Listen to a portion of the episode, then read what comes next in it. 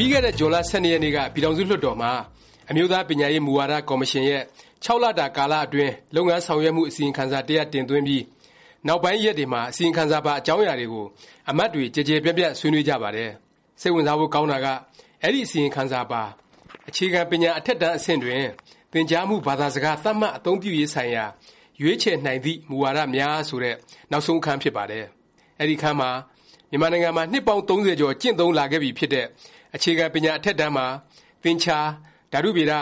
ဇီဝဗေဒ နဲ့ ရူပဗေဒ ဘာသာရပ်တွေကို အင်္ဂလိပ်လို သင်ကြားတာ အကျိုးရှိမရှိ လေ့လာဆန်းစစ် တင်ပြထားပါတယ်။အစီရင်ခံစာမှာတော့ အခြေခံပညာ အထက်တန်းမှာ အဲဒီ ဘာသာတွေကို အင်္ဂလိပ်လို သင်ကြားတာဟာ အကျိုးလည်း လုံး၀ မရှိ၊ကျောင်းသားကျောင်းသူတွေလည်း လုံး၀တတ်မြောက်ခြင်း မရှိဘူး ဆိုပြီး ဖြစ်ပါတယ်။ဒါကို အစိုးရဘက်က ပြန်သုံးသပ် ပြင်ဆင်နိုင်မယ့် နည်းလမ်းတွေ အဆိုပြု တင်ပြထားတာမို့ မြန်မာ့ပညာရေးနဲ့ ပတ်သက်ရင် စိတ်ဝင်စားဖို့ အလွန်ကောင်းတဲ့ ပြသနာကြီး တစ်ရပ် ဖြစ်နေပါတယ်။ခုတစ်ပတ် အဲဒီ ပြသနာအကြောင်း လေ့လာတင်ပြသွားပါ့မယ်။လွန်ခဲ့တဲ့နှစ်ပေါင်း၃၀ကျော်အာဏာရှင်ဦးနေဝင်းလက်ထက်၁၉၈၅မတိုင်ခင်ကအခြေခံပညာအထက်တန်းအဆင့်ရဲ့သင်္ချာ၊ဓာတုဗေဒ၊ဇီဝဗေဒ၊ရူပဗေဒနဲ့ဘောဂဗေဒဘာသာရပ်တွေရဲ့ကျောင်းသုံးပြဌာန်းစာအုပ်အားလုံးမြန်မာဘာသာနဲ့ဖြစ်ပြီးမြန်မာဘာသာနဲ့ပဲသင်ကြား၊သင်ယူခဲ့ကြပါတယ်။စာမေးပွဲကိုလည်းမြန်မာဘာသာနဲ့ပဲစစ်ဆေးတာပါ။ ၁၉၈၅ ခုနှစ်မှာတော့ အဲဒီ သိပ္ပံဘာသာရပ်တွေနဲ့ ဘောဂဗေဒကို အင်္ဂလိပ်ဘာသာနဲ့ သင်ကြားမှု စတင်ခဲ့ပါတယ်။ပြဌာန်းစာအုပ်ကလည်း အင်္ဂလိပ်ဘာသာနဲ့ ဖြစ်လာသလို၊စာမေးပွဲ မေးခွန်းတွေမှာလည်း အင်္ဂလိပ်ဘာသာနဲ့ပဲ စစ်ဆေးတာပါ။ဒါဟာ သင်ရိုးညွှန်းတမ်းအရ အဆင့်မြင့်တယ်လို့ ထင်မြင်ယူဆစေချင်တာ၊ကျောင်းသားတွေ အဲဒီဘာသာရပ်တွေကို နိုင်ငံတကာနည်းတူ အဆင့်မြင့်မြင့် တတ်မြောက်စေချင်လို့ ပြောင်းလဲရတာလို့ မှန်းဆရပါတယ်။၁၉၉၅ ခုနှစ်ရောက်တော့ ဘောဂဗေဒဘာသာရပ်ကို မြန်မာလို ပြန်ပြီးသင်ပါတယ်။လက်ရှိ လွှတ်တော်ထဲမှာ အဲဒီ အစီရင်ခံစာ တင်ခဲ့သူတွေကတော့ ၁၉၈၅ ခုနှစ်ကတည်းက စခဲ့တဲ့ အဲဒီ ဘာသာရပ်တွေကို အင်္ဂလိပ်ဘာသာနဲ့ သင်ကြားတာ နှစ်ပေါင်း ၃၀ ကျော်ကြာလာတဲ့ ဒီကနေ့ ထက်ထိ အောင်မြင်တယ်၊မအောင်မြင်ဘူး၊အားနည်းချက်တွေ ရှိနေသလား၊မရှိဘူးလား စသဖြင့် သေသေခြာခြာ ပြန်ပြီး ဆန်းစစ်တာမျိုး၊သုတေသန လုပ်တာမျိုးတစ်ခါမှ မရှိခဲ့ဘူးလို့ ဆိုပါတယ်။ လွှတ်တော်ထဲ ဆွေးနွေးတဲ့ အမတ်တချို့ ထောက်ပြတာကတော့ အဲဒီအချိန်က အစိုးရဟာ အဲလို အဆင့်မြှင့်လိုက်ပေမယ့် သင်ရိုးကို တကယ်တတ်မြောက်အောင် သင်ပေးနိုင်တဲ့ ဆရာ၊ဆရာမ လုံလုံလောက်လောက် မရှိခဲ့ဘူးလို့ ဆိုပါတယ်။အဲလို ဘာသာရပ်တွေကို အင်္ဂလိပ်ဘာသာနဲ့ သင်မယ်ဆိုရင် သင်ကြားမယ့် ဆရာ၊ဆရာမတွေဟာ အနည်းဆုံး Upper Intermediate အဆင့် ရှိသင့်တယ်လို့ ဆိုပါတယ်။ ဒါပေမယ့် သိပ်မကြာသေးခင်ကာလအတွင်း ရန်ကုန်မြို့က ဗြိတိသျှကောင်စီရဲ့ စစ်တမ်းတစ်ခုမှာတော့ အဲဒီဘာသာရပ်တွေ သင်ကြားနေတဲ့ အထက်တန်းပြ ဆရာ၊ဆရာမ အများစုရဲ့ အင်္ဂလိပ်စာ Level ဟာ Beginner ဒါမှမဟုတ် Elementary အဆင့်လောက်ပဲ ရှိတယ်လို့ ဆိုပါတယ်။အဓိပ္ပါယ်ကတော့ အထက်တန်းကျောင်း ဆရာ ဆရာမတွေဟာ အဲဒီ သိပ္ပံဘာသာရပ်တွေကို အင်္ဂလိပ်လို သင်ကြားဖို့ လုံး၀ အဆင့်အတန်း မမီဘူးဆိုတဲ့ သဘောပါ။ဒီလိုနည်းနဲ့ အင်္ဂလိပ်ဘာသာ မတတ်တဲ့ ဆရာ ဆရာမတွေက သိပ္ပံဘာသာရပ်တွေကို အင်္ဂလိပ်လို သင်တဲ့အခါ နဂိုကတည်းကမှ အင်္ဂလိပ်စာ သိပ်မတတ်တဲ့ ကျောင်းသူကျောင်းသားတွေ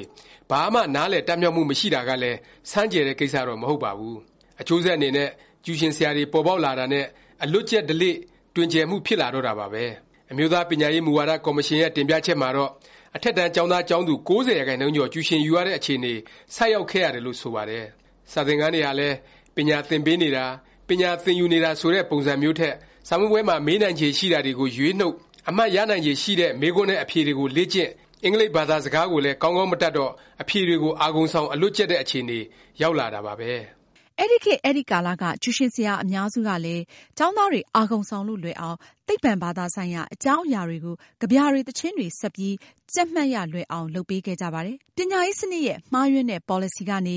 ပေါ်ပေါက်လာတဲ့ အလွတ်ကျက် ပုံစံကို မီးလောင်ရာလေပင့် လုပ်ပေးခဲ့ကြတဲ့ သဘောပါပဲ။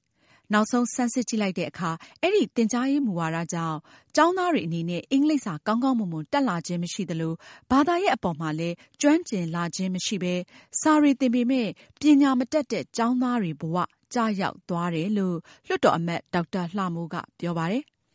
တကယ်တော့ ၁၉၆၂ ခုနှစ် ဗိုလ်ချုပ်ကြီးနေဝင်းက တိုင်းပြည်ကို စစ်အာဏာသိမ်းအုပ်ချုပ်ပြီးနောက်ပိုင်း စစ်အာဏာရှင်အဆက်ဆက် လက်အောက်မှာ မြန်မာနိုင်ငံရဲ့ ပညာရေးအဆင့်အတန်း တဖြေးဖြေးနိမ့်ကျသွားရတာ ဒီကနေ့အချိန် ဘယ်သူမှ အငြင်းမပွားကြတော့ပါဘူး။ပညာရေး နိမ့်ကျသွားရတဲ့ အကြောင်းရင်းတွေကို ရှာဖွေရာမှာ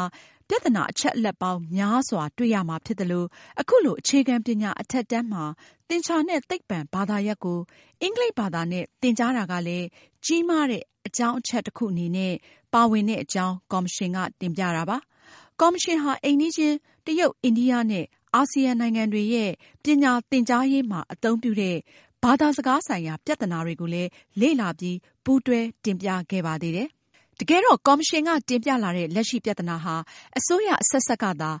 ဘာဆန်းစစ်မှု၊လေ့လာမှုမှ လုပ်တာ မရှိခဲ့ပေမယ့် ပညာရေးဆိုင်ရာ ပညာရှင်တွေကြားမှာတော့ နှစ်ပေါင်းများစွာ ငြင်းခုံလာခဲ့တဲ့ ပြသနာတစ်ခုလည်း ဖြစ်နေပါတယ်။တကယ်တော့ ပညာသင်ကြားရေး ဆိုတာဟာ သင်ကြားမှု ပြီးဆုံးလို့ လူ့အဖွဲ့အစည်းထဲ ဝင်ရောက်ရင် အသုံးပြုလို့ရမယ့် အသိပညာ၊အတတ်ပညာ တီထွင်ဖန်တီးမှု၊ဝေဖန်ပိုင်းခြားတတ်မှုတွေ ရသွားအောင် လုပ်ကိုင်ဆောင်ရွက်ပေးသွားရမယ့် လုပ်ငန်းစဉ်ကြီး တစ်ခုပဲ ဖြစ်ပါတယ်။လက်ရှိ မြန်မာနိုင်ငံက ၁၀ တန်းအောင် ဘွဲ့ရတွေ အင်္ဂလိပ်စာ မတတ်၊ဘာသာရပ် မကျွမ်းကျင်၊ သင်ထားတဲ့ပညာတွေကလည်း လူမှုဝန်းကျင်မှာ အသုံးပြုလို့ မရခဲ့ဘူး ဆိုရင် အဲဒီ ပညာရေးစနစ်ကို လေးလေးနက်နက် ပြန်စဉ်းစားဖို့ လိုအပ်နေပါပြီ။ကော်မရှင်ကတော့ အခြေခံပညာ အထက်တန်းမှာ သင်္ချာနဲ့ သိပ္ပံ ဘာသာရပ်တွေကို နှစ်ပေါင်းများစွာ အင်္ဂလိပ်လို သင်ကြားနေတဲ့ ကိစ္စဟာ မိဘတွေ၊ကျောင်းသားကျောင်းသူတွေ၊ဆရာဆရာမတွေအပေါ်မှာ သက်ရောက်မှု အလွန်ကြီးမားတဲ့ မူဝါဒရေးရာဆိုင်ရာ ပြသနာကြီးဖြစ်နေလို့ အစိုးရ တာဝန်ရှိသူတွေအနေနဲ့ မြန်မာနိုင်ငံရဲ့ ပကတိ အခြေအနေနဲ့ လိုက်လျောညီထွေဖြစ်မယ့် မူဝါဒ တစ်ခုကို သက်ဆိုင်သူတွေနဲ့ ကျယ်ကျယ်ပြန့်ပြန့် ညှိနှိုင်းဆွေးနွေး ချမှတ်ပေးဖို့ အကြံပြုထားကြောင်းပါ။